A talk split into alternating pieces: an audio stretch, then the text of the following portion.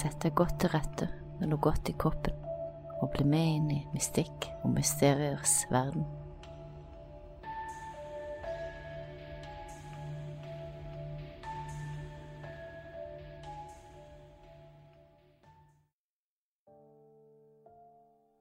For mange mennesker er det å bli foreldre livets største øyeblikk, og lykkelig uvitende satt noen av dem sin egen morder til verden.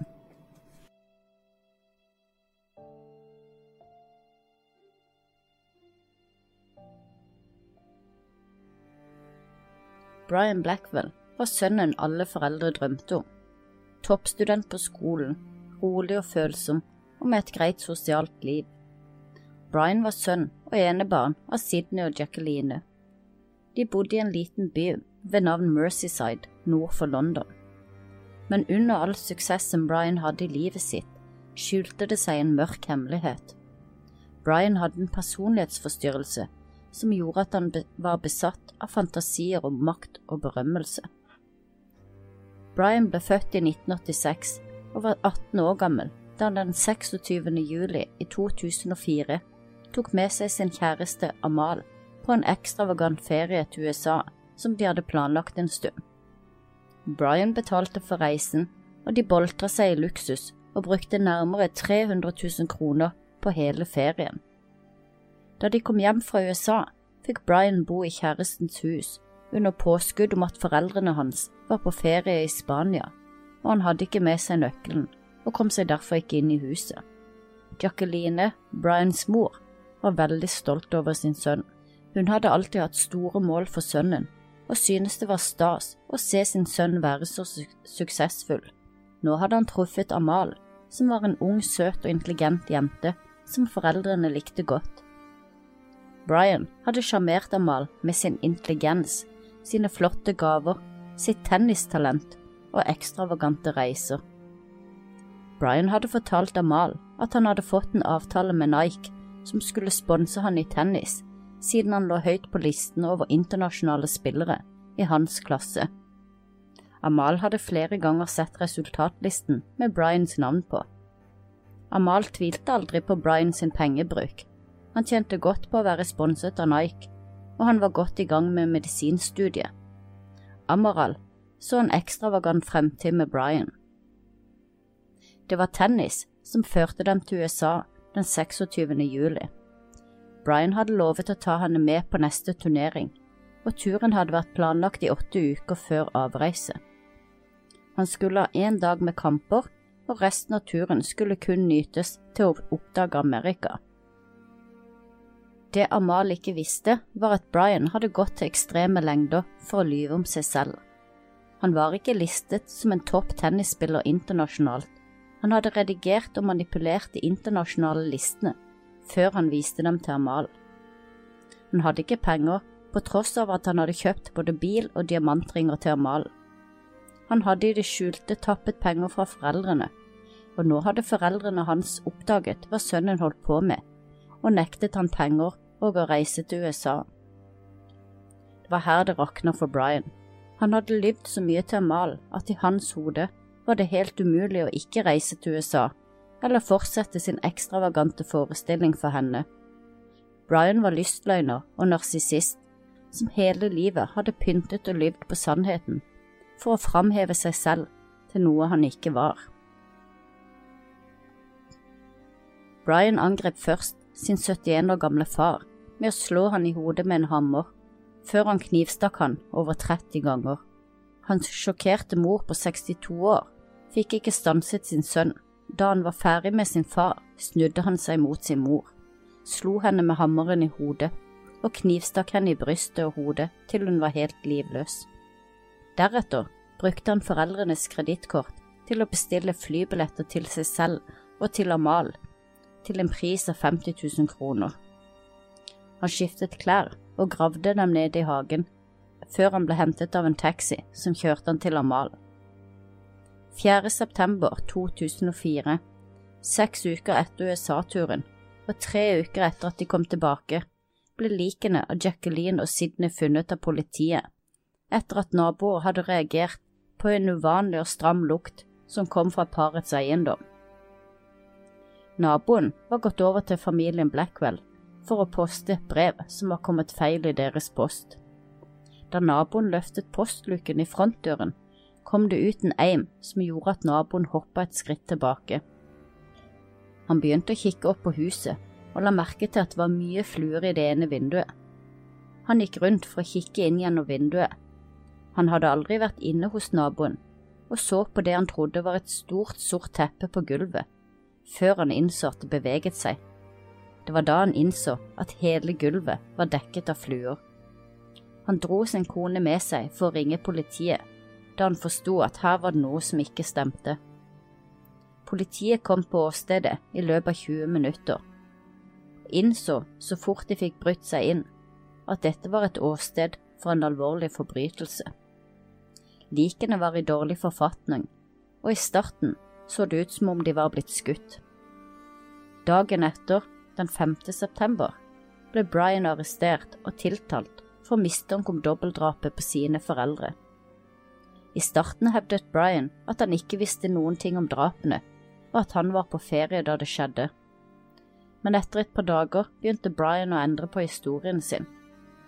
Etter to dager innrømmet Brian at han hadde drept dem, men hevdet at det var i selvforsvar.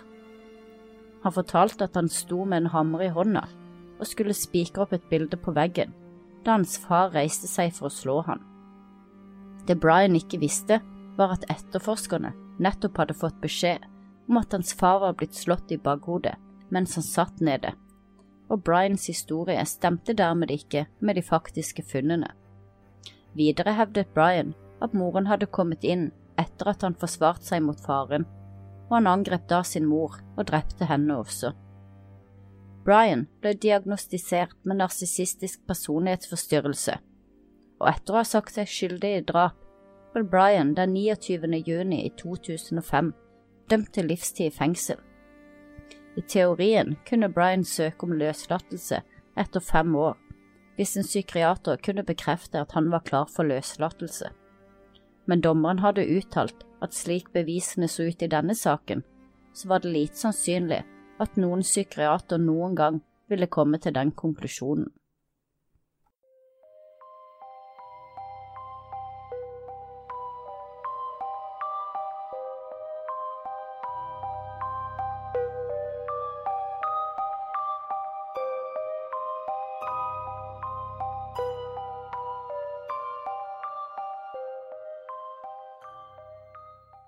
Januar 2014 flyttet familien Van Breda fra Australia til Sør-Afrika, i et flott lukka område kalt Salse Golf Estate. 27. januar 2015 fikk politiet i Stellensbosch i Sør-Afrika et nødanrop fra en 20 år gammel mann ved navn Henry Van Breda. Henry kunne fortelle at han og familien var blitt angrepet av en person med øks. What is Stephen? What is your emergency? I um, yeah. I need an ambulance. Lots of um. You need an ambulance. Yes, please. What's your name, sir? Uh, Henry from Bradar. Wha and you, the patient. No, no. My family is someone attacked my family. Hey? Someone has attacked my family in my house. Okay, so you need the police or the Well, ambulance. and an ambulance, please. Yes. Now, who is Um, injured? My, I think everyone. Everyone in your house. Everyone. Four people. Yes.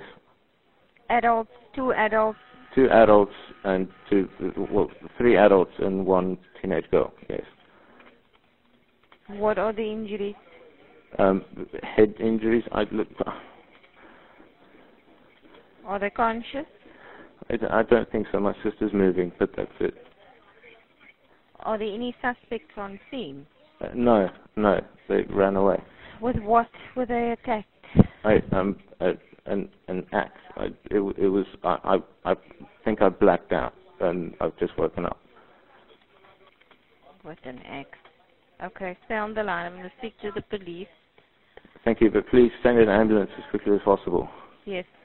Are you the only one that's conscious? You know, Yes. the others are unconscious. Hold. Yes. I'm going to speak to police to check on your number, where you are.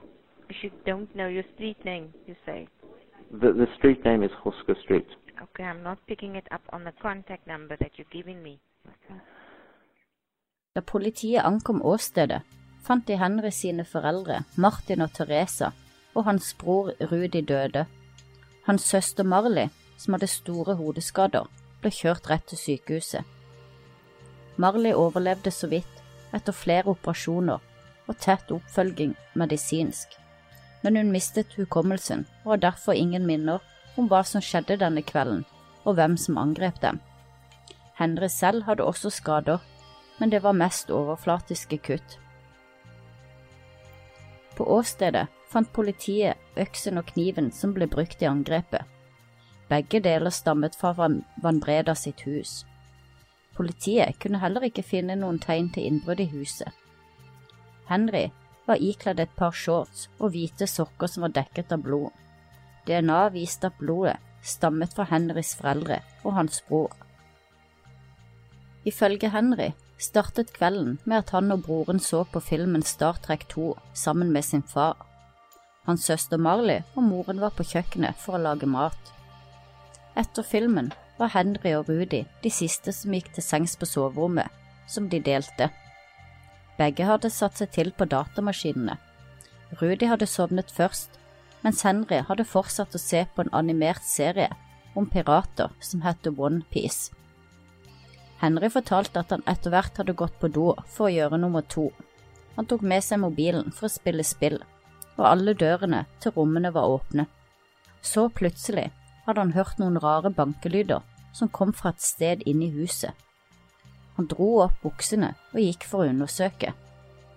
Det Henry da så, var så sjokkerende at han ble paralysert og klarte ikke å forstå hva som skjedde. Ifølge han selv så han noen som hakket sin bror i hjel med en øks. Angriperen hadde ifølge Henry på seg mørke klær og noe som dekket ansiktet, og hansker. Henry hadde så ifølge han selv begynt å rope etter hjelp. Lysene kom på, og faren kom til og forsøkte å redde Rudi. Idet faren kastet seg med angriperen, hadde han blitt slått bevisstløs, og angriperen hadde deretter hakket løs på farens kropp med øksen. Angriperen lo mens han angrep min far, kunne Henry fortelle. I samme øyeblikk hørte han sin mor rope Hva er det som foregår?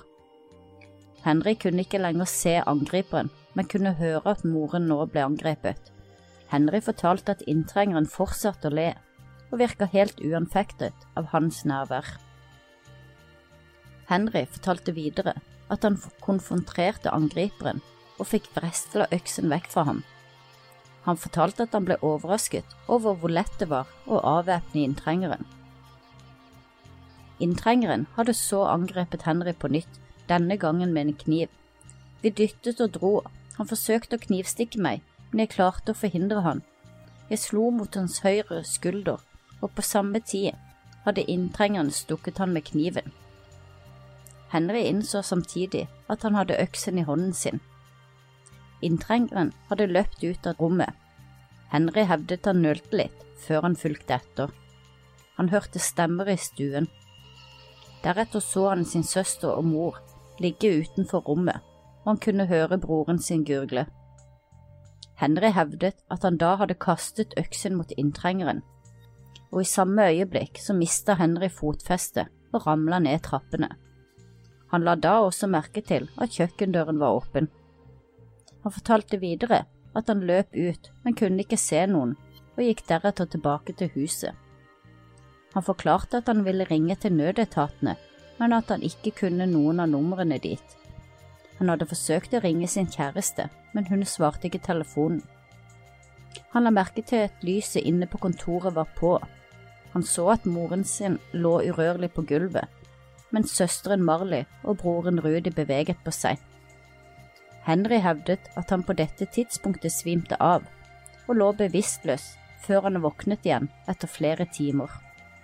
Og på det tidspunktet kunne han ennå høre gurglelyder fra sin bror Rudi. Henry hadde da funnet fram nødnummeret til sentralen, som han først ringte fra mobilen sin, og deretter fra hustelefonen. For å roe nervene tente han seg en sigarett inne på kjøkkenet. Henry hevdet at han som barn sleit veldig med stamming, og at stammingen ble mye verre under stress. Han hadde blitt lært noen teknikker for å roe stammingen, blant annet å snakke sent og tydelig, en teknikk han hevdet å bruke i sin samtale med nødetatene. Like I tried Desolza Golf Club on my phone's maps. That's what it's called. The golf, uh, club. Yeah. Um, it's, Oh. it's it's the estate next to Techno Park. Next to Techno Park. It's yeah. It's by Jamestown as well. Men politiet de fatter mistanke til Henry fra første stund. Hans rolige væremåte og overflatiske skader var mistenksomt i seg selv. Det var ingen tegn til innbrudd, og det ble heller ikke funnet DNA eller annet som stammet fra noen som ikke bodde i huset. Politiet trodde heller ikke på at Henry hadde ligget bevisstløs i tre timer, og han hadde ingen skader som skulle tilsi at han kunne vært det heller. Politiet undersøkte mange mennesker og motiver underveis i etterforskningen, og 18 måneder inn i saken hadde politiet kun én mistenkt igjen, Henry Van Breda. 13. juni 2016 møtte Henry Van Breda frivillig opp hos politiet etter råd fra sin advokat, og Henry ble umiddelbart arrestert. Dagen etter møtte han i retten og ble siktet for trippeldrap og et mordforsøk. Han fikk en kausjon på 70 000 kroner som ble betalt, og Henry Van Breda ble sluppet fri. Kun tre måneder etterpå ble han og kjæresten arrestert i Cape Town for bruk av cannabis. De fikk en bot og ble igjen satt fri. Den 4. april 2017 begynte rettssaken mot Henry. Retten fikk høre at nesten, og om ikke alle skadene Henry hadde på kroppen, var overflatiske og selvpåførte. De pekte også på de mange uoverensstemmelsene i Henry sin forklaring. Et av spørsmålene var hvorfor en inntrenger som var ute etter å rane et hjem, ville ignorere alle de verdifulle tingene som sto i første etasje, og i stedet gå opp i andre etasje og drepe alle. Henry hadde ikke noe svar på dette. Han kunne heller ikke svare på hvorfor det ikke var noen tegn til innbrudd, eller hvorfor han hadde sluppet unna de dype kuttene som familien hans ble påført. Eksperter som analyserte likene, kunne bekrefte at alle kuttene og skadene kom fra en og samme person, og at personen hadde brukt samme kraft på alle sine ofre. Sikkerhetsekspertene som vitna i rettssaken, hadde alle vitna og sagt at selv ikke Houdini kunne ha klart å bryte seg inn i Van Breders godt bevoktede hjem. Selv om de Salsa Golf Estate, hvor de bodde, ble beskrevet som et mediumsikkert inngjerdet område, var sannheten at plassen ble sett på som et av de tryggeste stedene å bo i Sør-Afrika. Hele området hadde bevegelsessensorer, de hadde alarmsystemer og vakter som gikk på området 24 timer i døgnet. Elektriske gjerder som inngjerda området, i tillegg var inngangen bevokta, og alle passerende ble kontrollert. En annen ting som retten bet seg merke i, var den lange tiden Henry brukte på å ringe nødnummeret. Det kom fram at Henry hadde forsøkt å ringe kjæresten sin flere ganger klokken ti over halv fem på morgenen, uten at hun besvarte samtalene. Deretter søkte han etter nødnummeret på nett, og likevel gikk det enda tre timer til før han endelig ringte dem. Retten trodde ikke på Henry sin historie om at han hadde blitt bevisstløs i tre timer, og mente at han ventet fordi han ville være sikker på at familien blødde i hjel. Ett år før angrepet hadde familien bodd tilsynelatende lykkelig i Melbourne, Australia, og hovedgrunnen til at de flyttet tilbake til Sør-Afrika, var farens arbeid og morens ønske om å bo nærmere sin familie. Henry og Rudy hadde blitt igjen i Australia for å fullføre studiene, før de også dro for å bo med resten av familien. Henry sa de var en helt vanlig familie med normale krangler, og at det stort sett var Marley som krangla med foreldrene, ettersom hun var ungdom og ganske rebelsk. Marley, som gjennomgikk mange operasjoner og terapi etter angrepet, har til en dag i dag ingen minner om hva som skjedde denne grufulle dagen. Retten kunne fortelle at Marley var den som hadde gjort mest motstand under angrepet, og forsøkt å kjempe tilbake. I motsetning til sin bror og mor hadde hun mange flere skader, som tydelig viste at hun hadde forsøkt å skjerme seg selv. Mye kunne tyde på at broren og moren sov når de ble angrepet, på grunn av lite motstandsår. Faren Martin hadde dype kuttskader i ryggen, og dommeren mente faren hadde brukt sin egen kropp for å beskytte sin sønn Rudi fra øksen. Kanskje trodde han at sønnen Henry ikke ville slå ham, men der tok han feil. En nabo som bodde noen hundre meter unna Van Bredas hjem, fortalte i retten at han hadde hørt det som hørtes ut som krangling med høye stemmer. Forsvarerne til Henry argumenterte med at det var en film med høy lyd han hadde hørt. Naboer og nære familievenner beskrev Henry som familiens sorte får, og at han alltid hadde vært det. Og mens Rudi og Marley gjorde det bra på skolen og universitetet, hadde Henry valgt å droppe ut av skolen og studiene sine. Da han flyttet til Sør-Afrika med foreldrene, hadde han bestemt seg for å ta et friår fra skolen, og han hadde ingen spesielle planer for fremtiden. Antageligvis ble faren hans skuffet over sønnen. Faren som var kjent for å være en kjærlig, men streng far. Henry hadde ifølge de som kjente ham, også problemer med rus og foreldrene skulle ha truet med å kutte pengestrømmen om Henry ikke tok seg sammen og fikk orden på livet. Mange tror at presset og det at han ikke klarte å leve opp til foreldrenes forventning, var det som drev han til å drepe bare måneder etter at de kom til Sør-Afrika. 21. mai 2018 ble Henry Van Breda dømt for trippeldrap og ett forsøk på drap, og 7. juni mottok han dommen som lød på tre livstider i fengsel for drapene på sin mor, far og bror, og 15 år for forsøk på drap på sin søster, og 12 måneder for å avgi falsk forklaring. Den 7. november 2018 ble Henriks søknad om en ny rettssak avvist. Henry soner i dag dommen sin, men støtt ved hans side står kjæresten hans, som er helt overbevist om at han ikke kan ha drept familien sin og hun tror på Henrys sin versjon av det som skjedde.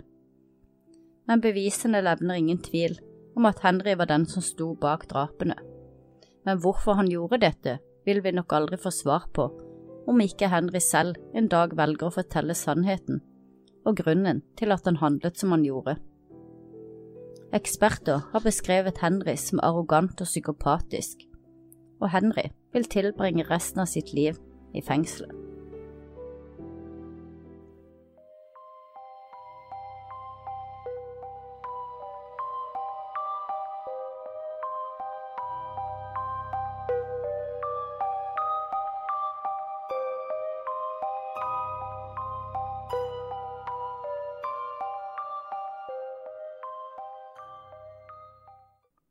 Sara var 16 år gammel når hun skjøt og drepte sine foreldre med en høykalibra rifle fordi de ikke aksepterte hennes 19 år gamle kjæreste. I don't even know how it got there. Seriously, I do not Because there was know. a flaw in your plan. I don't have a plan. No. Seth, your life has changed forever. You're telling me. Sarah, tell me. I didn't do it. You did it. Diana og Allan Johnson bodde i et flott hus på en stor tomt i den lille byen Bellevue i Idaho. De hadde vært gift i 20 år og var veldig dedikert til hverandre og deres to barn, Matt og Sara. De var godt likt i byen de bodde i. Diana arbeidet i et finansieringsfirma, og Allan var medeier i et veldig populært arkitektbyrå. Det var tidlig om morgenen den 2. september 2003 da Sara kom skrikende ut av deres hjem. Hun fortalte naboene at hennes foreldre var nettopp blitt drept. Politiet ankom åstedet raskt. De fant Diana liggende under dyna si på senga. Hun var død fra et skudd som hadde fjernet mesteparten av hodet. Allan ble funnet ved siden av sengen med et dødelig skudd i brystkassa. Dusjen sto på, og Allans kropp var våt. Basert på de våte, blodige fotsporene og blodspruten så det ut til at Allan hadde blitt skutt idet han kom ut av dusjen, og at han deretter hadde klart å gå mot Dayan før han kollapsa og blødde i hjel. Politiet sperret umiddelbart av åstedet, inkludert hele kvartalet rundt huset. I en søppelbøtte utenfor huset fant politiet et par latekshansker og en rosa blodig badekåpe. På innsiden av huset fant politiet en sti av blod, hud og beinfragmenter fra Allan og Dianas soverom, gjennom gangen og over til Saras soverom. På foreldrenes soverom ble det funnet en magnumrifle, og to slakterkniver hadde blitt lagt i enden av Allan og Dianas seng med knivbladene mot hverandre, og et magasin fylt med kuler ble funnet på Saras soverom. Politiet kunne ikke finne noen tegn på innbrudd i huset. I Saras første forklaring til politiet kunne hun fortelle at hun hadde våknet kvart over seks og hørte at foreldrenes dusj sto på. Hun fortsatte å ligge i sengen, og plutselig hørte hun to skudd som ble avfyrt. Sara hadde da løpt over til foreldrenes soverom, og foreldrenes dør var lukket. Hun åpnet ikke døren, men ropte i stedet på sin mor, men fikk ikke noe svar tilbake. Hun ble redd og løp skrikende ut av huset og ropte om hjelp. Gjennom etterforskningen forandra Sara sin historie mange ganger. Noen ganger sa hun at døren til foreldrenes rom var litt åpen, mens andre ganger sa hun at døren hennes var helt lukket, men ikke foreldrene sin dør. Basert på de rettsmedisinske undersøkelsene kom han fram til at begge dørene måtte ha vært åpne. Sara innrømmet også at badekåpen politiet fant i søppelkassen utenfor, var hennes, men nektet for å vite hvordan den hadde havnet der.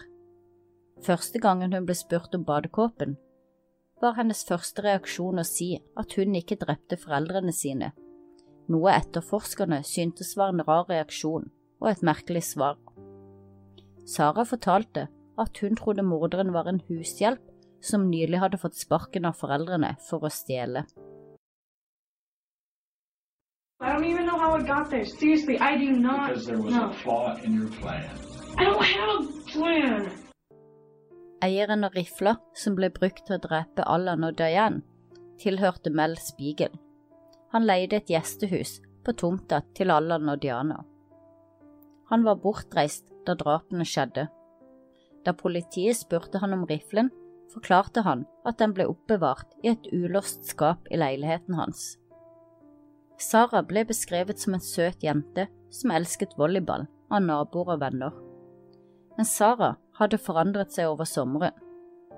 Hun ble til en jente som virket besatt og oppslukt i sin nye 19 år gamle kjæreste, Bruno Santos Dominguez. She came up to my side and she said, Shantae, find Bruno and tell him that I love him no matter what happens.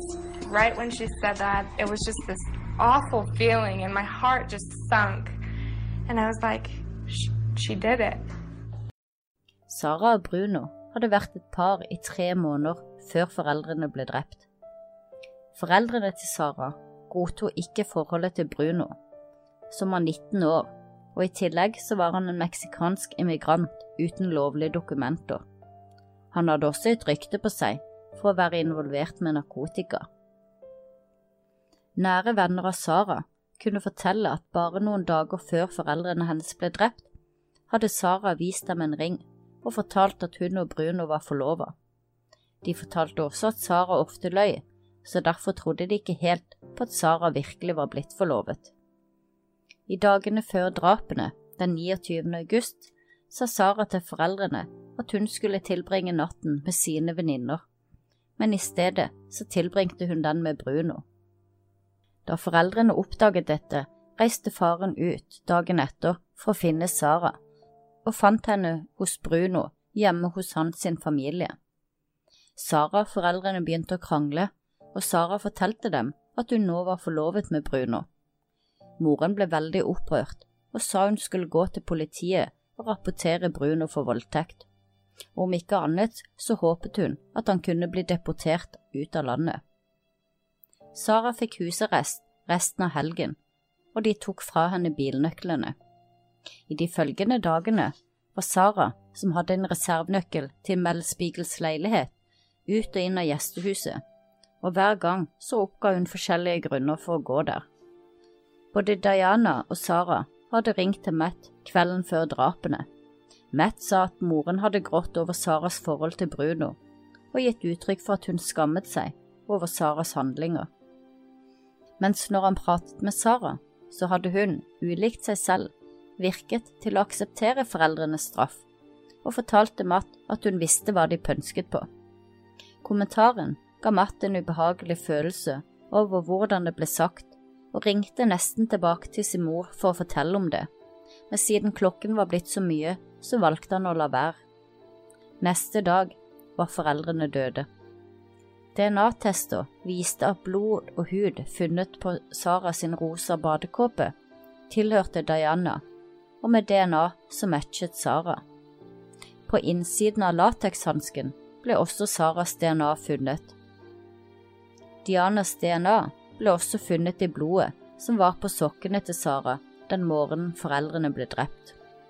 29. oktober 2003 ble Sara Johnson arrestert og siktet som voksen for to drap. Sara kjente seg ikke skyldig. Broren til Sara, Matt, var den som ga det mest ødeleggende bildet av Sara i retten. Han beskrev henne som en dramaqueen og god skuespiller som ikke var redd for å lyve. Matt fortalte at Sara hadde sagt at noen hadde vært ved huset i totiden på natta da foreldrene ble drept, at foreldrene hadde sjekket utsiden og vært sikre på at ingen var der, før de gikk og la seg igjen. Dette var informasjon Sara aldri hadde fortalt til politiet. Noen av de sterkeste poengene som Saras forsvarsteam kom med under rettssaken, hadde å gjøre med mangelen på biologisk materiale funnet på Sara og hennes klær. Etterforskerne hadde ikke funnet noe på hendene, håret eller andre steder.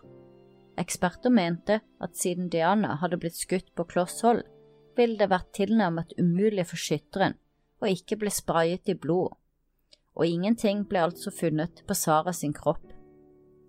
Fingeravtrykkene hennes ble ikke funnet på verken kuler, rifler eller kniver, men det ble funnet et avtrykk som var uidentifisert. Forsvarsteamet stilte også spørsmål om Matt og livsforsikringspengene han ville få hvis Sara var ute av bildet, og insinuerte at han sa stygge ting om Sara for å få henne dømt for selv å tjene økonomisk på det. Det tok juryen elleve timer før de fant Sara skyldig i å ha drept foreldrene sine. Hun ble dømt til to livstidsdommer pluss 15 år, uten mulighet for prøveløslatelse. I 2011 fikk Sara avslag på sin søknad om en ny rettssak, men en ny høring ble innvilget i november 2012, basert på muligheten om at den nye teknologien i forhold til DNA og fingeravtrykk, som ikke var tilgjengelig under Saras rettssak, kanskje nå kunne bevise at hun var uskyldig. The Innocence Project tok over saken til Sara i 2011, men i februar 2014 ble søknad om en ny rettssak avslått av retten i Idaho, så Sara må nok basere seg på å tilbringe resten av livet i fengsel.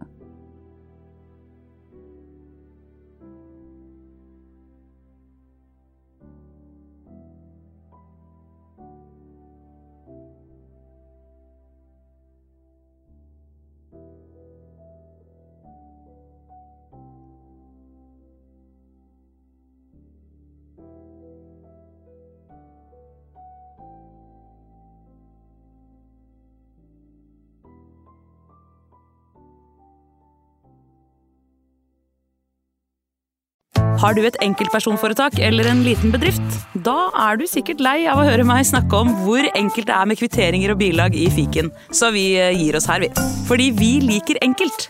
Fiken superenkelt regnskap.